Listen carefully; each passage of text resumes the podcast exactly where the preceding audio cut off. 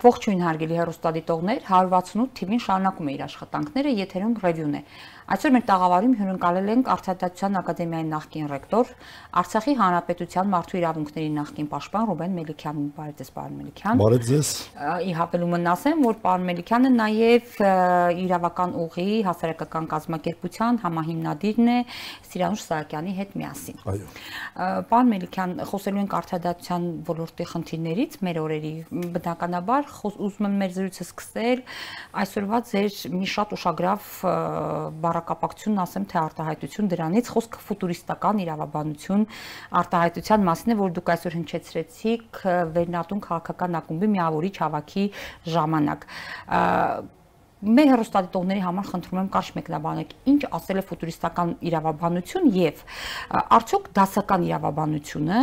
այնքան ռեսուրս եւ ուժ ունի պայքարելու ֆուտուրիստական իրավաբանության դեմ Շնորհակալ եմ նախ ձեզ անխափան եթեր եմ մաղթում համեմատաբար նոր հաղորդաշարը եւ ձևաչափ է այս ձևաչափը այսպես հետաքրքիր նորամուծություն է մեր պրակտիկայում հուսով եմ որ դուք կունենաք բազում հետաքրքիր եթերներ Շնորհակալ այսօր իսկապես ես հրավեր էի ստացել վերնատուն այս հասարակական քաղաքական ձևաչափի կողմից մասնակցել համաժողովին եւ համաժողովին ես ներկայացրեցի մի գաղափար, այսպես փորձնական գաղափար, որովհետեւ ձևաչափը նաեւ համապատասխան էր որը նպատակ էր հետապնդում տեսական հիմք տալ այն երևույթներին, որոնք որ կատարվում են մեր իրավաբանության մեջ։ Եվ ես կարծում եմ, որ այս անվանումը որպես աշխատանքային անվանում, որպես փորձնական անվանում, որպես այսպես հիպոթեզ, կարող է եւ կյանքի իրավունք ունենալ։ Դա իսկապես է ֆուտուրիստական իրավաբանություն արտահայտությունն է եւ այս պրիզմայի ներքո երբ մենք դիտում ենք վերջին ժամանակահատվածի երևույթները, այսպես կարելի է 1.5 տարի ասել, եթե ավելի հստակ մենք խոսենք, գուցե կարելի է սրա սկիզբը համարել անգամ մայիսը 2019 թվականի ամեն դեպքում երևույթները դուրս են իրենց սկզբունքային նշանակությամբ, դուրս են ավանդական իրավաբանության պատկերացումների, գաղափարների, ընդունված ընթացակարգերի, ավանդույթների շրջանակից։ Եվ ինչ որ մի նոր բան է սա։ Եվ այս նոր բանը ունի մի քանի առանձնահատկություններ, որոնցից ես փորձեցի նաև այսպես տեսական հիմնավորում դրան տալ։ Հիմա չեմ տեսական մասի մասին խոսել, ընդհանրապես կասեմ, որ եթե մենք դիտարկում ենք մայիսի 20-ի իրադարձությունները, դատարանների արգելափակման, հունիսի 20-ի իրադարձությունի ինքնահարճակման, հետո այդ շարունակական փորձերը սահմանադրական դատարանի նախագահի շուրջը պատտվող իրադարձությունները, դրանք քրեական գործեր են, դրանք տարբեր օրենսդրական նախաձեռնություններ են, դրանք կարգապահական պատասխանատվության միջոցներ են։ Այս ամենը կարծում եմ ունի մի անվանում կամ ունի մի այսպես ընդհանուր տրամաբանություն, լավ այսպես ասենք, որը հետեւյալն է, որ այստեղ կարևոր է էֆեկտը, այլ ոչ թե էֆեկտիվությունը, այսինքն արդյունավետությունը, որ այստեղ մարդիկ կարող են անսկզբունքային լինել ի հակակշիռ այսպես սկզբունքայնության, որպես ավանդական իրավաբանության արժեքի։ Եթե նախկինում մարդիկ խոսում էին իրավական պետության արժեքներից, հիմա իրենք իրենց ձեռքով իրավական պետության արժեքները ոտնատակ են տալիս։ Այստեղ մենք գործ ունենք իրավիճակի հետ, եւ առօրեականությունը ինչ որ մի կոնյունկտուրայից ելնելով ինչ որ լուծումներ գտնելը շատ ավելի գերակշիռ է, քան համակարգվածությունը։ Այսինքն կարճաժամկետ էֆեկտ ապահովելու համար է Արմեն Միջարվում, տվյալ պահի, այսօպեական։ Առանց ստրատեգիայի, առանց այսպես երկարաժամկետ պլանավորման եւ եւ ամենակարևորը առանց արժեքաբանական հիմքի։ Սա է այս ֆուտուրիստական իրավաբանության բնութագիրը, այսպես կարող ենք ասել նու մեր գործող քաղաքական ուժը շատ մեծ ցանկություն ունի համաշխարհային պատմության մեջ մտնել, նման նկարտումներ կան, ես կարծում եմ ինչով ինչով, բայց այս նոր երևույթով հնարավոր է նրանք նաև մտնեն համաշխարհային իրավունքի պատմության մեջ։ Եվրոպայի խորհրդի անդամ պետությունների պատմության մեջ նման երևույթ եղել է դուք սա նախադեպային է թե Ես բոլոր երկրների իհարկե իրավաքաղաքական զարգացումներին ծանոթ չեմ, եղել են խնդիրներ, բայց ամեն դեպքում այդ խնդիրները ունեցել են որոշակի տրամաբանական հենք, որոշակի արժեքային բախում եւ այս տեսանկյունից կարծում եմ այնինչ որ մեզ մոտ է կատարվում մի կողմից կարող է ինչ որ առումով համարվել ընդհանուր տենդենսի մաս, բայց առավելապես ունի առանձնահատկություններ։ Օրինակ, եթե մենք որպես հիմք ենք ընդունում սահմանադրական դատարանի հետ կապված այս նախագիծը, նույն եվրոպական կարևորագույն կառույցներից մեկի Վենետիկի հանձնաժողովի փաստաթուղթը, որը վերաբերում էր այս նախագծին, հատուկ անդրադարձ է կատարում, ասում է, այո, եղել են դեպքեր, երբ մենք քննադատել ենք, երբ որ հարկադրաբար նվազեցում է տեղի ունեցել կենսաթոշակային տարիքի, բայց այսպիսի բան կարծեք թե չի եղել, որ անձինք կամավորության կարգով այսպես ընտրելու հնարավորություն ունենան, գնան կենսաթոշակի թե չգնան կենսաթոշակի, այսպիսի չափանիշներ ընդհանուր կան, Տեսեք։ Պարոն Մելիքյան, մենք դրա մասին հիմա իհարկե ավելի մանրամասն կխոսենք երեկվա ընդունված կառավարության ընդունած փաստաթղթի մասին։ Մինչ այդ ուզում եմ մեկնաբանեք կամ անադառնանք արտադրության նախարար Ռուստամ Բադասյանի այն մտքին, որ ինքը իր Facebook-յան էջում վերնագրել էր իր ասելիքը, թե հաշվի առնելով, որ Վենետիկի հանձնաժողովը կոշտ, այսպես ասենք, կոշտ դիրքորոշում ցուցաբերեց նախորդ նախագծի վերաբերյալ մենք որոշեցինք այս տեսքով ներկայացնել խոսքը նրա մասն է, որ 19 թվականի օգոստոսի 1-ից մինչև հոկտեմբերի 31-ն ընկած ժամանակահատվածում էր օգոստոս ամսին առաջարկում կառավարությունը վաղ կենսաթոշակի գնալ, իսկ հիմա ժամկետը փաստորեն ահագին երկարացրել են մինչև 20 թվականի հունվարի 31-ը կարծես թե սա ինչ է իշխանությունները հետ քայլ կարող համարեն իշխանությունների կողմից հետ քայլ արդյոք այդքան ազդեցիկ էր վենետիկի հանձնաժողովի հայտարարությունը եւ մասնավորապես Ջանի Բուկիկյոյի Շանտ Նյուզին տված հարցազրույցը որ իշխանությունները որոշեցին այս քայլը կատարել տեսեք մի քանի մի քանի նկատառում այս կապակցությամբ առաջինը իշխանությունները միշտ ցանկություն ունեն նորմալ հարաբերություններ ունենալ եվրոպական կառույցների հետ, այդ թվում նաև Վենետիկի հանձնաժողովի հետ եւ նրանք ուշադրությամբ հետևում են այն խորհուրդներին, այսպես ասենք, որոնք ձևակերպված են փաստաթղթերում Վենետիկի հանձնաժողովի եւ Վենետիկի հանձնաժողովը իսկապես շատ կոնկրետ նկատառումներ էր, հստակ նկատառումներ էր ներկայացրել այն նախագծի կապակցությամբ, որ դեռ օգոստոսին էր ներկայացվել, բայց ժամկետների խնդիրը չէ այստեղ Ժամկետների խնդիրը շատ པարզ է։ Ես այն ժամանակ զարմացա, որ հոկտեմբերին էր նշված, շատ པարզ պատճառով։ Սա էլ է ֆուտուրիստական իրավաբանության դրսևորում կարելի է համարել, որովհետև եթե դու օգոստոսին ներկայացնում ես նախագիծ եւ որոշակի ընթացակարգ պետք է անցնել, երբ են հասցնելու ընդունել, որ մի հատ էլ մինչև հոկտեմբերը մարտիկ ժամանակ ունեն։ Բնականաբար այստեղ երևի թե խոսքը վերաբերում է նրան, որ ընդունվելուց հետո մի որոշակի ժամանակ, 1 ամիս կամ 2 ամիս դուրը բաց մնա եւ այս հնարավորությունից օգտվելու այսպես օգտվել թե չօգտվելու հարցը կարողանան լուծել սահմանադրական դատարանի դատավորները բայց դրա մասին խոսենք բայց պետք է նշել որ նախագիծը իսկապես փոփոխությունների ենթարկվել է եւ այդ փոփոխությունները ես կասեի այնուհանդերձ կրում են այսպես կոսմետիկ բնույթ օրինակ Վենետիկի հանձնաժողովը հատուկ ընդգծել էր մի հանգամանք, որ չպետք է վտանգի համանդրական դատարանի կենսունակությունը, որովհետև տրամաբանորեն կարող է լինել իրավիճակ, երբ որ 7 դատավոր կորոշի օգտվել, այսպես տեսականորեն ոչ թե տրամաբանորեն, տեսականորեն կարող է լինել իրավիճակ։ Իրեն ընձեռված։ Հույս ունեմ, որ սա բացառապես տեսության դաշտից է, եւ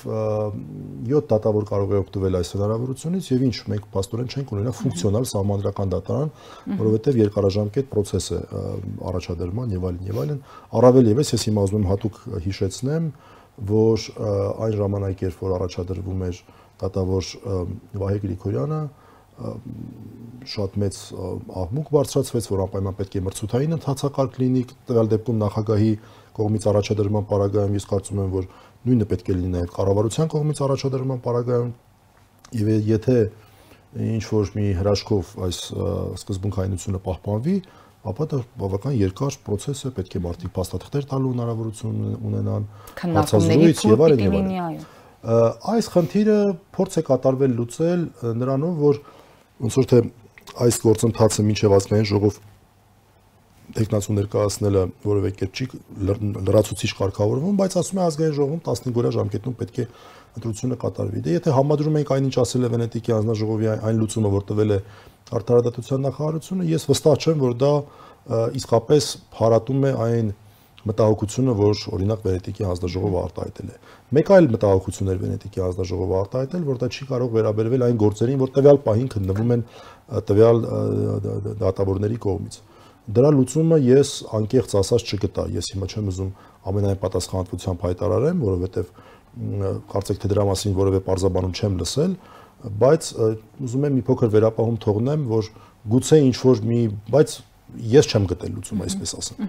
Այսինքն Այսինքն ինչ է լինելու այդ գործերի ճակատագիրը այս դեպքում։ Ոչ թե գործերի ճակատագիրը, որ փաստորեն օրենքը շարունակում է հնարավոր հնարավոր համարել, որ դատավորը կարող է պարզապես մի օր վեր կա նաև գնա եւ պարտավոր չլինի ավարտել իր վարույթում գտնվող գործերը։ Երրորդ նկատառումը, որը որ այնքան էլ օրենսդրական դաշտին, օրենսդրական կարգավորմանը չի վերաբերում, բայց ես կարծում եմ այս ամենի մեջ ամենա ամենակարևորն է, դա այն է, որ որևէ կերպ այս process-ը չի կարող դուրս գալ կամավորության բացարձակ սահմաններից։ Սա պետք է բացարձակ կամավոր լինել։ Եվ հատուկ Վենետիկի հանձնաժողովը որպես օրինակներ նշում է անձնական ճնշումներ, քաղաքական ճնշումներ։ Հիմա մենք փորձենք հասկանալ այս ընթացքում արդյոք մենք 0 ճնշում իրավիճակ ենք ունեցել դատավորների նկատմամբ, թե ոչ։ Ես կարծում եմ, որ այս հարցի պատասխանը ակնհայտ է առնվազն համանդրական դատարանի նախագահի մասով։ Պարոն Մելիքյան, իր հիմնավորումների մեջ Ռուստամ Բադասյանը երեք որ ներկայացրել էր այդ նախագծի, հետեւյալ միտքն է հայտնում, որ կառավարությունը հաշվի առնելով, որ տարիներ շարունակ եղել է կոռուպցիայի բարձր մակարդակ եւ այն ազդեցություն է ունեցել դատական մարմինների ձևավորման վրա, դատայրավական եւ հակակոռուպցիոն ռազմավարություններով խնդիր ենք դրել տարբեր գործիքների միջոցով դատավորների եւ իրավապահ մարմինների բարեվարկությունը ստուգել։ Վաղ կենսաթոշակի ինստիտուտը բարեվարկության հետ որևէ առնչություն ունի ստուգման այս կոնկրետ մասով բնականաբար ու այդ integrity բառն են թարգմանել բարևարկություն, ես չեմ կարողանում այս երևույթները համարժեք համարել, լավ օգտագործենք բարևարկություն բառը։ Այս երևույթը ես չեմ տեսնում կապ այս integrity կամ բարևարկության ստուգման հետ, այն այն քաղաքական նույն process-ի մասն է 2019 թվականի հունիսի 20-ին հնարված համադրական ճգնաժամի հանգուցալուծման, այսպես ճակերտավոր հանգուցալուծման միջոց են փորձում դիտել եւ ես կասեի, ես եթե շահառուն ես լինեի, ինչ որտեղ նաեւ գուցե վիրավորական լիներ, որ անաշխատ այսպես աշխատավարձել մարդկանց առաջարկում հարկատուների հաշվին կարծես թե համնադրական դատարանի դատավորները նույնպես այդ կարծիքին են, որ Արվինա Գյուլումյանի մասով ամենայն դեպս Ես այն կարծիքին եմ, որ համնադրական դատարանում աշխատում են արժանապատիվ մարդիկ, ես այն համնադրական դատարանի դատավորներ են արժանապատիվ մարդիկ, մարդիկ, որ կենսագրություն ունեն, մարդիկ, որ փորձառություն ունեն։ Ես անկեղծ ասած շատ կզարմանայի, որպեսզի որ այս հնարավորությունից մարդիկ կամավոր ձևով օգտվեն, որովհետև չեմ կարծում, որ սա սա ինքնին բարեվարկության դրսևորում կարող է համարվել։ Երևի կարելի է հենց այս հնարավորությունից օգտվելը խնդիր տեսնել հենց բարեվարկության տեսանկյունից։ Վերադառնալով նույն այդ մտքին, պարոն Մելիքյան, թե Հայաստանում տարիներ շարունակ եղել է կոռուպցիոն բարձր մակարդակ, ես ուզում եմ ձեզ հարցնել, ես չեմ տարբերում, միգուցե դուք ավելի լավ գիտեք իհարկե, անցած տարի ու կես ժամանակահատվածում նոր իշխանությունների գալուց հետո կոռուպցիոն գործերով քանի վճիռ ունենք մենք։ Չեմ կարող ասել, քանի դատավճիռ ունենք կոռուպցիոն բնույթի գործերի ապակցությամբ, բայց կարող եմ ասել, որ բյուրավոր հաղորդագրություններ ունենք կոռուպցիոն գործերի հետ կապված տարբեր քնչական մարմինների կողմից բնականաբար ժամանակ է պետք որպեսզի դրանք վերածվեն դատական գործերի, ժամանակ է պետք որպեսզի դատական գործերու արդյունքում լինեն մեղադրական կամ արդարացնող դատավճիռներ, բայց այս պայդրությամբ ես չեմ կարծում, որ ժամանակը դատական process-ները այնուհանդերձ տևական երևույթ են եւ մեղադրել իշխանություններին այն բանում, որ մենք դեռ չունենք դատավճիռներ, ես ճիշտ չէի համարի ժամանակային գործոնից ելնել։ Ես հասկացա։ Իսկ արտադատության նախարարի կողմից նման հայտարարություն, փաստորեն քաղաքական հայտարարություն է սա։ Եթե մենք չունենք վճիռ, սա տեղավորվում է քաղաքական հայտարարության համատեքստում, չէ՞։ Պնդում նման պնդումը նորմալ է։ Դե գիտեք, ես համարում եմ, որ արտադատության նախարարը չէ ամենաբարձրաստիճան պաշտոնատար անձը, որ նման պնդումներ է անում եւ հաշվի առնելով այն, որ այս գիծը անընդհատ երբ որ երբ որ այսպես այսպես ժողովրդական խոսքը օգտագործեմ, երբ որ ներն են գնում միանգամից հիշում եք կոռուպցիա բառը եւ կոռուպցիոն բնույթի տարբեր բաներ հանրապետության վարչապետը, բնականաբար արդարադատության նախարարն էլ կկրկնի վարչապետի, չէ՞ որ միասնական քաղաքականություն է իրականացվում։ Որ զավեշտը գիտեք այն է, որ օրինակ մենք խոսում ենք կոռուպցիոն երևույթների անթույլատրելիության մասին եւ ես չեմ կարծում, որ այո մեր երկրում միակ մարդը կամ առաջին մարդը, որը որ կոռուպցիան բացասական երևույթ է համարում վարչապետ Փաշինյանն է, իսկապես դա շատ բացասական երևույթ է, բայց մենք փորձենք հասկանալ սկզբունքայինությունը այստեղ պահպանվում է թե չէ։ Մի քիչ այլ ոլորտի օրինակ կբերեմ, բայց կարծում եմ շատ համարժեք է իրավիճակին մել մելի հետ մել ֆիլմը մել դոլուզյան ներողություն դալուզյան ես ներողություն եմ խնդրում այդ ծանորդի հետ կապված այս ամբողջ պատմությունը այդ մարդը դոպինգ օգտագործելու համար պատժվել է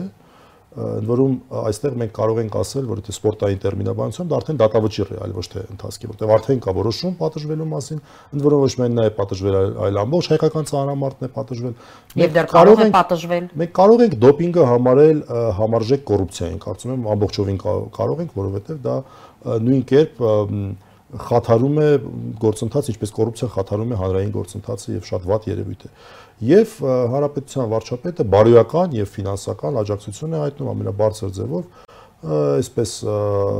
իր հովանու տակ է վերցնում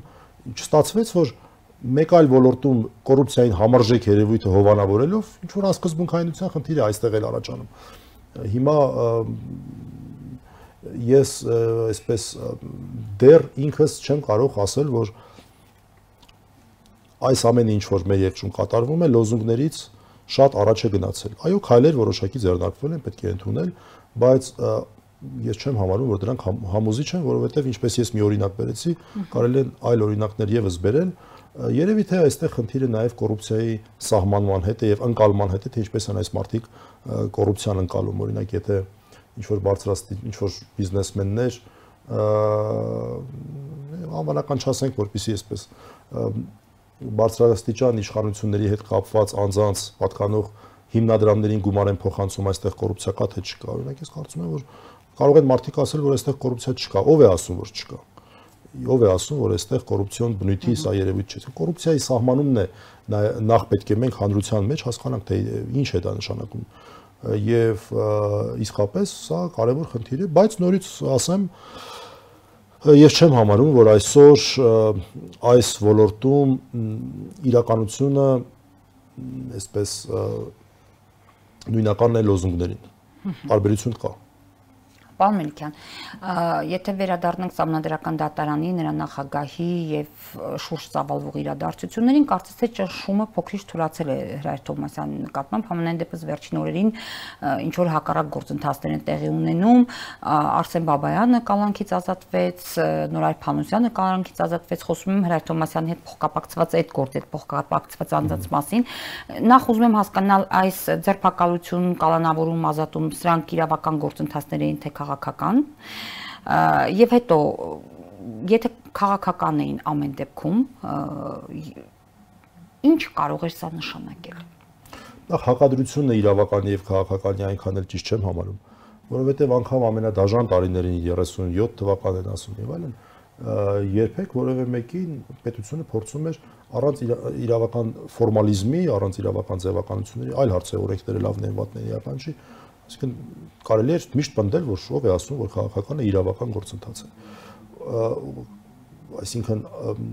հակադրությունը ճիշտ չէ։ Ուղղակի այս իրավական գործընթացը քաղաքական նկատառումներով է օգտագործվում, այն սկսել է քաղաքական պատճառներով եւ Արսեն Բաբայանի ազատության մասով նաեւ ավարտվել է շատ հետաքրքիր քաղաքական ակցիայով, որը այս դեպքում կարելի է ողջունել, որովհետեւ էլի ինչ որ ֆուտուրիստական փոքրիկ էլեմենտ կա այստեղ, որովհետեւ Ես ծանոթ չեմ իրավիճակի, երբ անձնական երաշխավորություն ներկայացվի մի մարդու կողմից, որը որ պաշտպանության կողմը դրա մասին անգամ տեղյակել չէ, այն անձուն համար ներկայացվում է անգամ տեղյակել չէ։ Ես բացասական իմաստով այս դեպքում չեմ ասում, նույնիսկ դրական իմաստով եմ ասում, եւ այսպիսի հետաքրքիր հանգուցալուծում ունեցավ հարցը եւ իշխանությունները իրենց դեմքը փրկելու գործողություն կատարեցին, ընդունենք, որ ապագայի մասով հաջող ուրեմն փորձ կատարեցին, թեև այդ 22 օրվա անազատությունը դրանով չի ջնջվում, բայց հետագայի համար շատ այսպես գեղեցիկ ձևով այս ամեն ինչը կատարվեց, ինչու, որովհետև տեսեք, ախր դատարանը դեռ չէր հասցրել կալանքի օրինականությունը քննել։ Մի քանի օր առաջ դատարանը քննել էր Նորայր Փանոսյանի մասով եւ կայացրել էր որոշում, որով որ կալանքը համարել էր անօրինական։ Իշխանությունները այդ վտանգի արժև են եւ հնարավոր էր, որ դատարանը կալանքը վերացներ։ Բնականաբար շատ ավելի այսպես ցանկալի է իշխանությունների համար, որ կալանքը ոչ թե անօրինական ճանաչվի, այլ երաշխավորվի, այլ վերացվի վարույթ իրականացնող մարմինների տվյալ դեպքում դատախազության կողմից, ինչը եւ կատարվեց։ Պարոն Մելիքյան, այս գործընթացը մենք կարող ենք դիտարկել այն համատեքստում, որ իշխանությունները հիմա համանadrական դատարանի իրենց համար ցանկալի տարբերակ ունենալը հետաձգում են մինչև 2020 թվական։ Ես չեմ չեմ կարող այս հարցին պատասխանել։ Ես անգամ չեմ հասկանում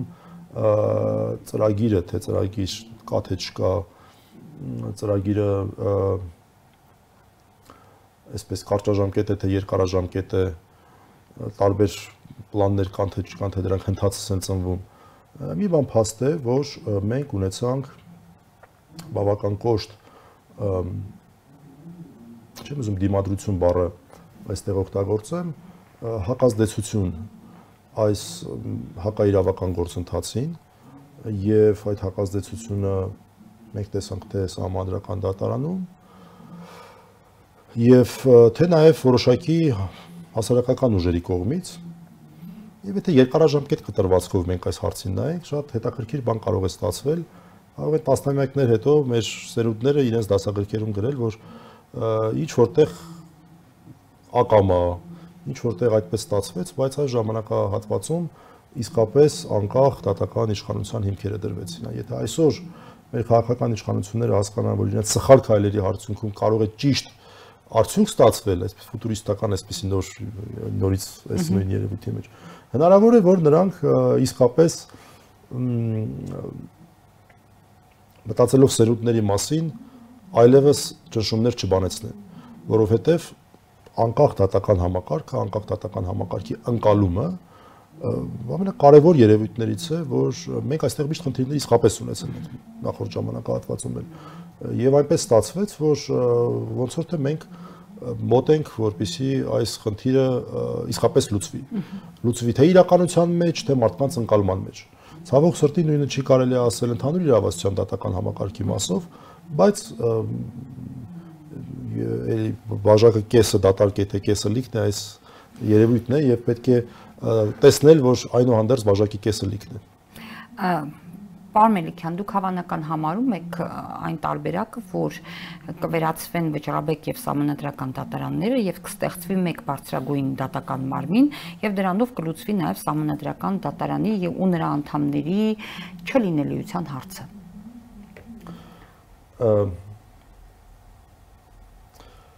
Այս մոտեցումը որպես տեսական մոտեցում կյանքի իրավունք ունի։ Այսպես այսպիսի համակարգ ունեցող երկրներ կան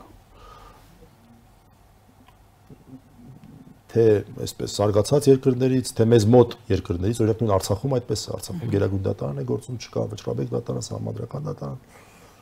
Հարցը, հարցը այստեղ երկու հարց կա։ Հարց առաջին. ինչ նպատակով է սա արվում։ Ամեն ինչի հիմքում նպատակն է։ Եթե նպատակը իսկապես դատական համակարգի արդյունավետության բարձրացումն է, խնդիր չկա, եկեք քննարկենք եւ ես էլ այս ուղությամբ գիտական մակարդակով ժամանակին բավական այսպես հետաքրքրված էի, նաև հոդվածներ ունեմ իսկ զեկուցումներ համաժողովներին իսկ եթե սա արվում է բացառապես քաղաքական նպատակներով ինչ որ բան այն չէ եւ երկրորդը որ ամենակարևորն է միևնույն է միևնույն է ես չեմ պատկերացնում իրավիճակ երբ որ դատական բարձրագույն դատական մարմնի դատավորների անփոփոխելիությունը անգամ այս նախագծով չի կարող խաթարվել։ Այսինքն ուզում են ստեղծել գերագույն դատարան, խնդրեմ, որ պետք է նախատեսեն նախագիծ, համաձայն որի այն մարդիկ, որ այդ պահին գերագույն դատարան, ու սահմանադրական դատարանում են, նաև վճռաբեկ, նաև վճռաբեկ դատարանում են, նրանք շարունակեն աշխատել։ Հակառակ դեպքում հաջորդ իշխանությունը կարող է գալ ու բերել իր դատավորներին եւ փակ շրջանի մեջ հայտնվենք, չէ՞։ Նույն Վենետիկի հանձնաժողովը նույն փաստաթղթում, որին ես հղում արեցի, շատ հստակ արձանագրում է դատական դատավորների անփոփոխելիության արժեքի դերը դատական իշխանության անկախության ապահովման գործում եւ խնդրեմ թող Գերագույն դատարանի նախագիծ ներկայացնեն, բայց անփոփոխելիությունը խաթարվել չի կարող։ Եվ եւ կարող ենք քննարկել, օրինակ ես կարծում եմ հետաքրքիր մասնագիտական բանավեճ կարող է այստեղ առաջանալ եւ անձամբ ես նորից ասեմ, եթե այս քաղաքական էլեմենտը կողք թողնենք եւ անձամբ ես գուցե նաեւ ավելի հիմնավոր համարեմ այն մոտեցումը, որ նրանք միավորյալ կառույց ստեղծեն։ Բայց ախր մենք բոլորս էլ գիտենք, որ այս ամենը քաղաքական նկատառումներով է արգելվում։ Պարոն Մելիքյան, վերջին ժամանակաշրջանում դուք հանդես եք գալիս իրավապաշտպան գործունեությամբ, ձեզ կարելի է տեսնել ամենուր, որտեղ մարդու իրավունքների խախտումներ են արձանագրվում։ Շատ են նման դեպքերը, ես ամենուր չեմ։ Դե ինչքան որ ֆիզիկապես հասցնում եք իհարկե, ես մտաբերում եմ բազմաթիվ նման դեպքեր, մեր օրերում մի քիչ կարծես թե այդ սահմանները ջնջվել են կամ ինչ որ բան այն չէ ես ուզում եմ հասկանալ ով կարող է առհասարակ հանդես գալ որպես իրավապաշտպան ով կարող է կոչվել իրավապաշտպան մեր օրերում մենք տեսնում ենք օրինակներ երբ շատ մարդիկ իրենց ուղակի հրճակում են քաղաքագետներ վերլուծաբաններ հանդես են գալիս սահմանադրագետներ այո սահմանադրագետներ իրավունքի մասնագետներ առհասարակ եւ այլ լավ, ի վերջո, ով կարող է հանդես գալ իրավապաշտպան գործունեության, ով կարող է համարվել իրավապաշտպան։ Մեր օրերում բոլոր իրավապաշտպանները, որ մենք մեր քաղաքասարակության անդամներից եւ այլն, որ մենք տարիներ ի վեր պատկերացրել ենք որպես իրավապաշտպաններ, արդյոք այդքան ընդգծված իրավապաշտպան զուտ բուն իրավապաշտպան գործունեություն են ծավալում։ Հետաքրքիր հարց տվեցիք, փորձեմ պատասխանել։ Այդ տեսեք դուք մի քանի օրինակ բերեցիք, քաղաքագետ օրինակ եւ այլն Մեկին պատկերացմամբ դրանք նույն հարթության վրա չեն։ Խաղաղագետը դա ինչ որ գիտական ուղղության ներկայացուցիչ է։ Եվ որպեսի անձը ներկայանա որպես խաղաղագետ, այնուհանդերձ պետք է օբյեկտիվ հիմքեր լինեն, օրինակ կրթություն, օրինակ գիտական աստիճան եւ այլն։ Բայց իրավապաշտպանի դեպքում դա հանձնառություն է, դա հրաապարակավ հանձնառություն ստանձնելն է, զբաղվել ինչ որ գործունեությամբ եւ ես չեմ պատկերացնում, որ դրա համար պետք է դիտողներ, դրա համար պետք է փաստաթուղթ, դրա համար պետք է ֆորմալացում։ Այդ հանձնառությունը ես ստանձնել եմ իդեպ Արցախի մարդու իրավունքների պաշտպանի իմ աշխատանքից, այսպես հրաժարականի հայտարարության մեջ դեռևս 2018 թվականի սեպտեմբերին ես որպես հետագա գործունեության տիրույթ հենց իրավապաշտպան գործունեությունն եմ հայտարարել Եվ հետո ժամանակի ընթացքում մինչև մենք հիմնեցինք կառույցը Սիրանուր Սահակյանի հետ եւ հիմա այդ կառույցը գործում է, իհարկե փոքր կառույց է եւ մեր հնարավորությունները մեծ չեն, բայց բայց մենք մեր ռեսուրսը առավելագույնն ենք օգտագործում։ Իդեպ ոչ միայն այսպես քաղաքական, ոչ միայն եւ ոչ այնքան քաղաքական բովանդակություն ունեցող հարցերով, այլև սովորական մարդու իրավունքների հետ կապված հարցերով եւ փորձում ենք որոշակի այսպես առաջնահերթություններ նաեւ նախատեսել, եւ այս հանձնառությունը նշանակում է, որ եթե մարդը քեզ դիմում է մարդու իրավունքների հետ կապված հարցերով եւ դու իսկապես ռեսուրս ունես, հնարավորություն ունես օգնելու, դու պետք է այդպես էլ վարվես, որովհետեւ դու հանձնառել ես։ Սա սա գործունեություն է, սա հանձնառություն է, որը պետք է հանրությունը գնահատի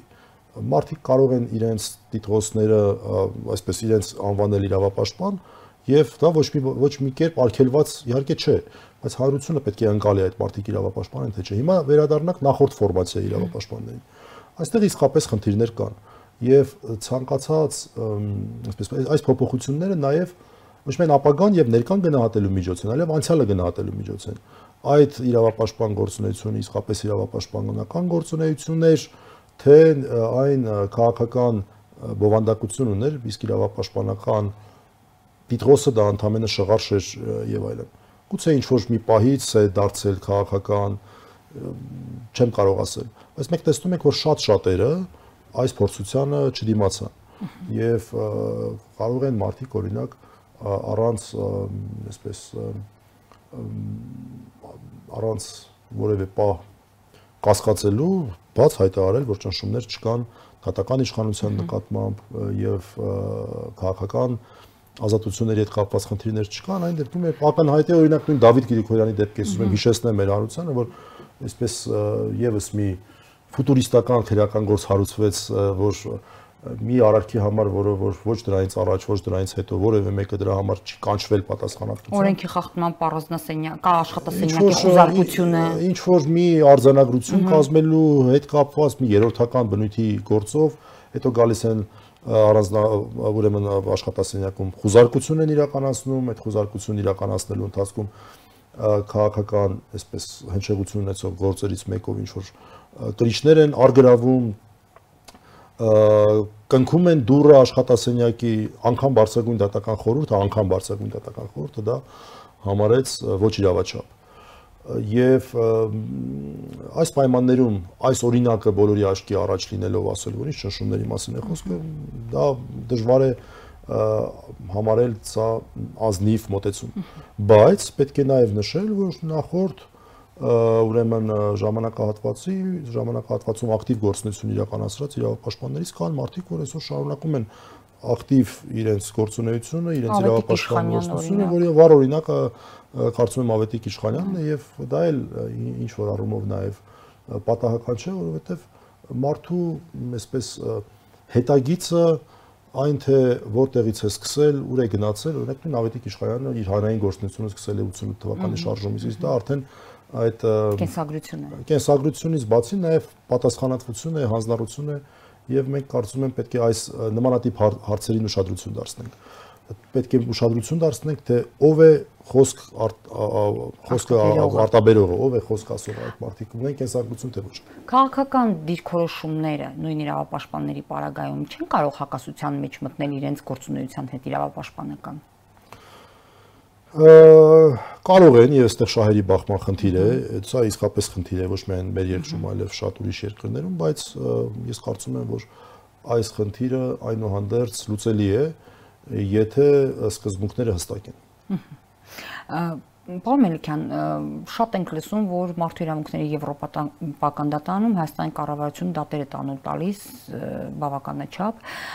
ի վերջո սա այս խնդիրը ինչպես պիտի լուծվի քննիչների նախաքննական մարմնի դատավորների աշխատանքի արդյունքում հարկատուների հաշվին ուրեմն վճարվող գումարները երկրի վարկանիշը տվյալ պարագայում փոխհատուցումը ինչպես է լինելու մի օր սա վերջ ունենալու է կամ լուծումը ինչպեսին է գիտեք ինչ ախր այս հարցը ես ճիշտ չէի համարի դրամատիզացնել Եվրոպական դատարանին անդամակցելով այս քաղաքական որոշումը կայացնելով մեր երկրի քաղաքական իշխանությունները մեր սերունդների համար հնարավորություն ստեղծեցին, որpիսի մենք ունենանք անկողմնակալ մարմին, որին կարող ենք դիմել եւ ակնկալել արդարադատություն այն դեպքում, երբ ներպետական միջոցները այդ արդարադատությունը ինչ որ պատճառով չեն տալիս կամ անձին թվում է, որ այդ արդարադատությունը չեն տալիս։ Եվ այս հնարավորությունը գին ունի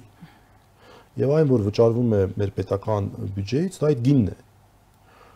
Սա շատ կարեւոր է, որովհետեւ ես իդեպից ներկայացնելուց նաեւ կարելի է ասել նախկին արդարադատության փոխնախարար եմ եղել եւ այդ գործառույթը, որ իրականացրել եմ մարդու իրավունքների եվրոպական դատարանում Հայաստանի ներկայացուցիչի տեղակալ եմ եղել եւ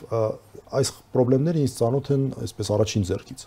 շատ արևելաեվրոպական երկրներում են սրա մասին խոսում եւ ընդհանրապես մի անգամ էր փորձ կատարվել Մոլդովայում նյութական հատուցումը դնել խախտում թույլ տվածների վրա բայց այդ փորձը հաջողությամբ չի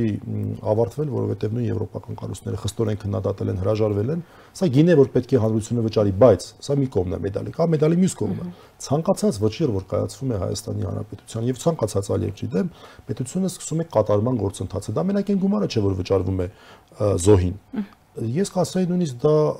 այսպես ամենակարևորը չէ իրավունքի զարգացման տեսանկյունից կոնկրետ անձի տեսանկյունից այո ամենակարևորն է նա իր փոխհատուցումը ստանում է բայց հասարակության տեսանկյունից սա ամենակարևորը չէ որովհետև պետությունը պարտավոր է ընդհանրական միջոցներ գործադրել, որպեսզի համակարգային առումով խնդիրը լուծվի։ Համակարգային առումով խնդիրը լուծվի։ Հետաքրքիրն այն է, որ շատ խնդիրներ, որոնք որ ներկայում ընդունվող Եվրոպական դատարանի վճիրներով արձանագրվում են, վաղուց արդեն լուծված է։ Ես ժամանակին դա անվանում եի աստղային երկնքի էֆեկտ։ Այն լույսը, որ մենք տեսնում ենք, դա երկար տարիներ առաջ գոյություն ունեցած լույսն է, մենք չգիտենք իրականում այս պահին այդ աստղը այդտեղ է թե չէ։ Նույնը խնդիրներին է վերաբերում։ այսօր կայացվում են վճռներ, որոնք վերաբերում են 2009, 2010 թվականին, ավելի վաղ 2008 թվականին եւ արձանագրվում են խնդիրներ, որ եղել են այդ ժամանակահատվածում, բայց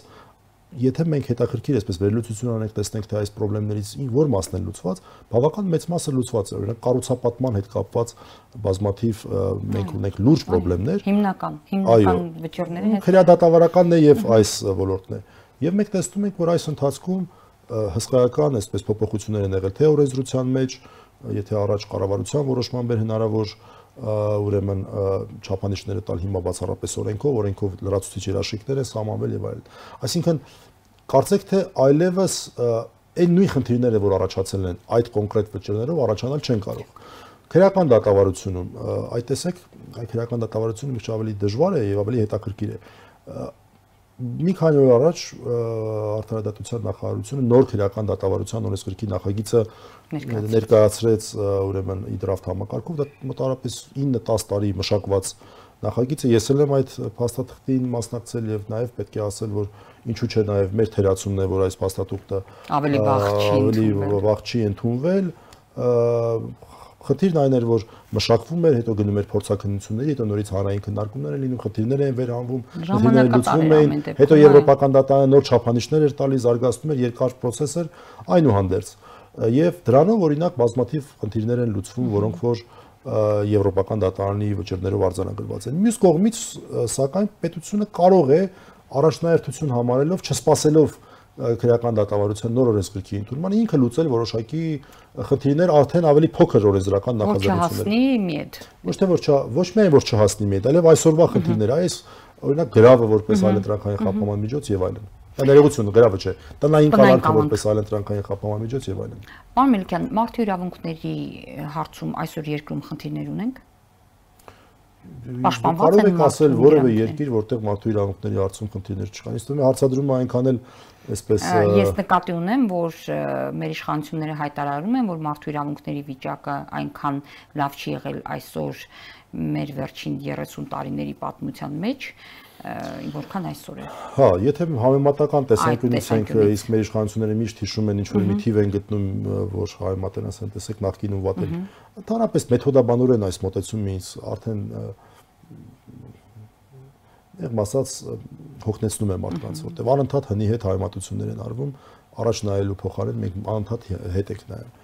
Բայց եթե այնուհանդերձ այս կտրվածքով ենք հարցին նայում, ես կարծում եմ, որ այստեղ մենք շատ ոլորտներում առաջընթաց չունենք, ընդհակառակ ունենք հետընթաց։ Եվ դա պայմանավորված է ընդհանրապես ինստիտուցիոնալ ինստիտուցիոնալիզմի պակասով կամ ինստիտուցիոնալիզմի ընկալման խնդիրներով, որ ունի իշխող քաղաքական ուժը։ Ես տեսնում եմ խնդիրներ, որոնք որ այսպես համակարգային տեսանկյունից նոր խնդիրներ են, շատ է խոսվել, բայց ամեն դեպքում պետք է ասվել։ Մի հասարակություն, որտեղ այս ծավալի ներքին թշնամանք է արկա եւ ավելին ոչ միայն արկա է, այլև դա խրախուսվում է իշխող քաղաքական ուժի կողմից, չի կարող ունենալ մարդու իրավունքների գծով, չի կարող հպարտ լինել իր մարդու իրավունքների վիճակով։ Մենակ դա ասենք մնացածը երկրորդականը։ Դատարաններն այսօր անկախ են, պարոն Մելիքյան։ Դատարանները այսօր շատ հետաքրքիր փուլում են գտնվում, կան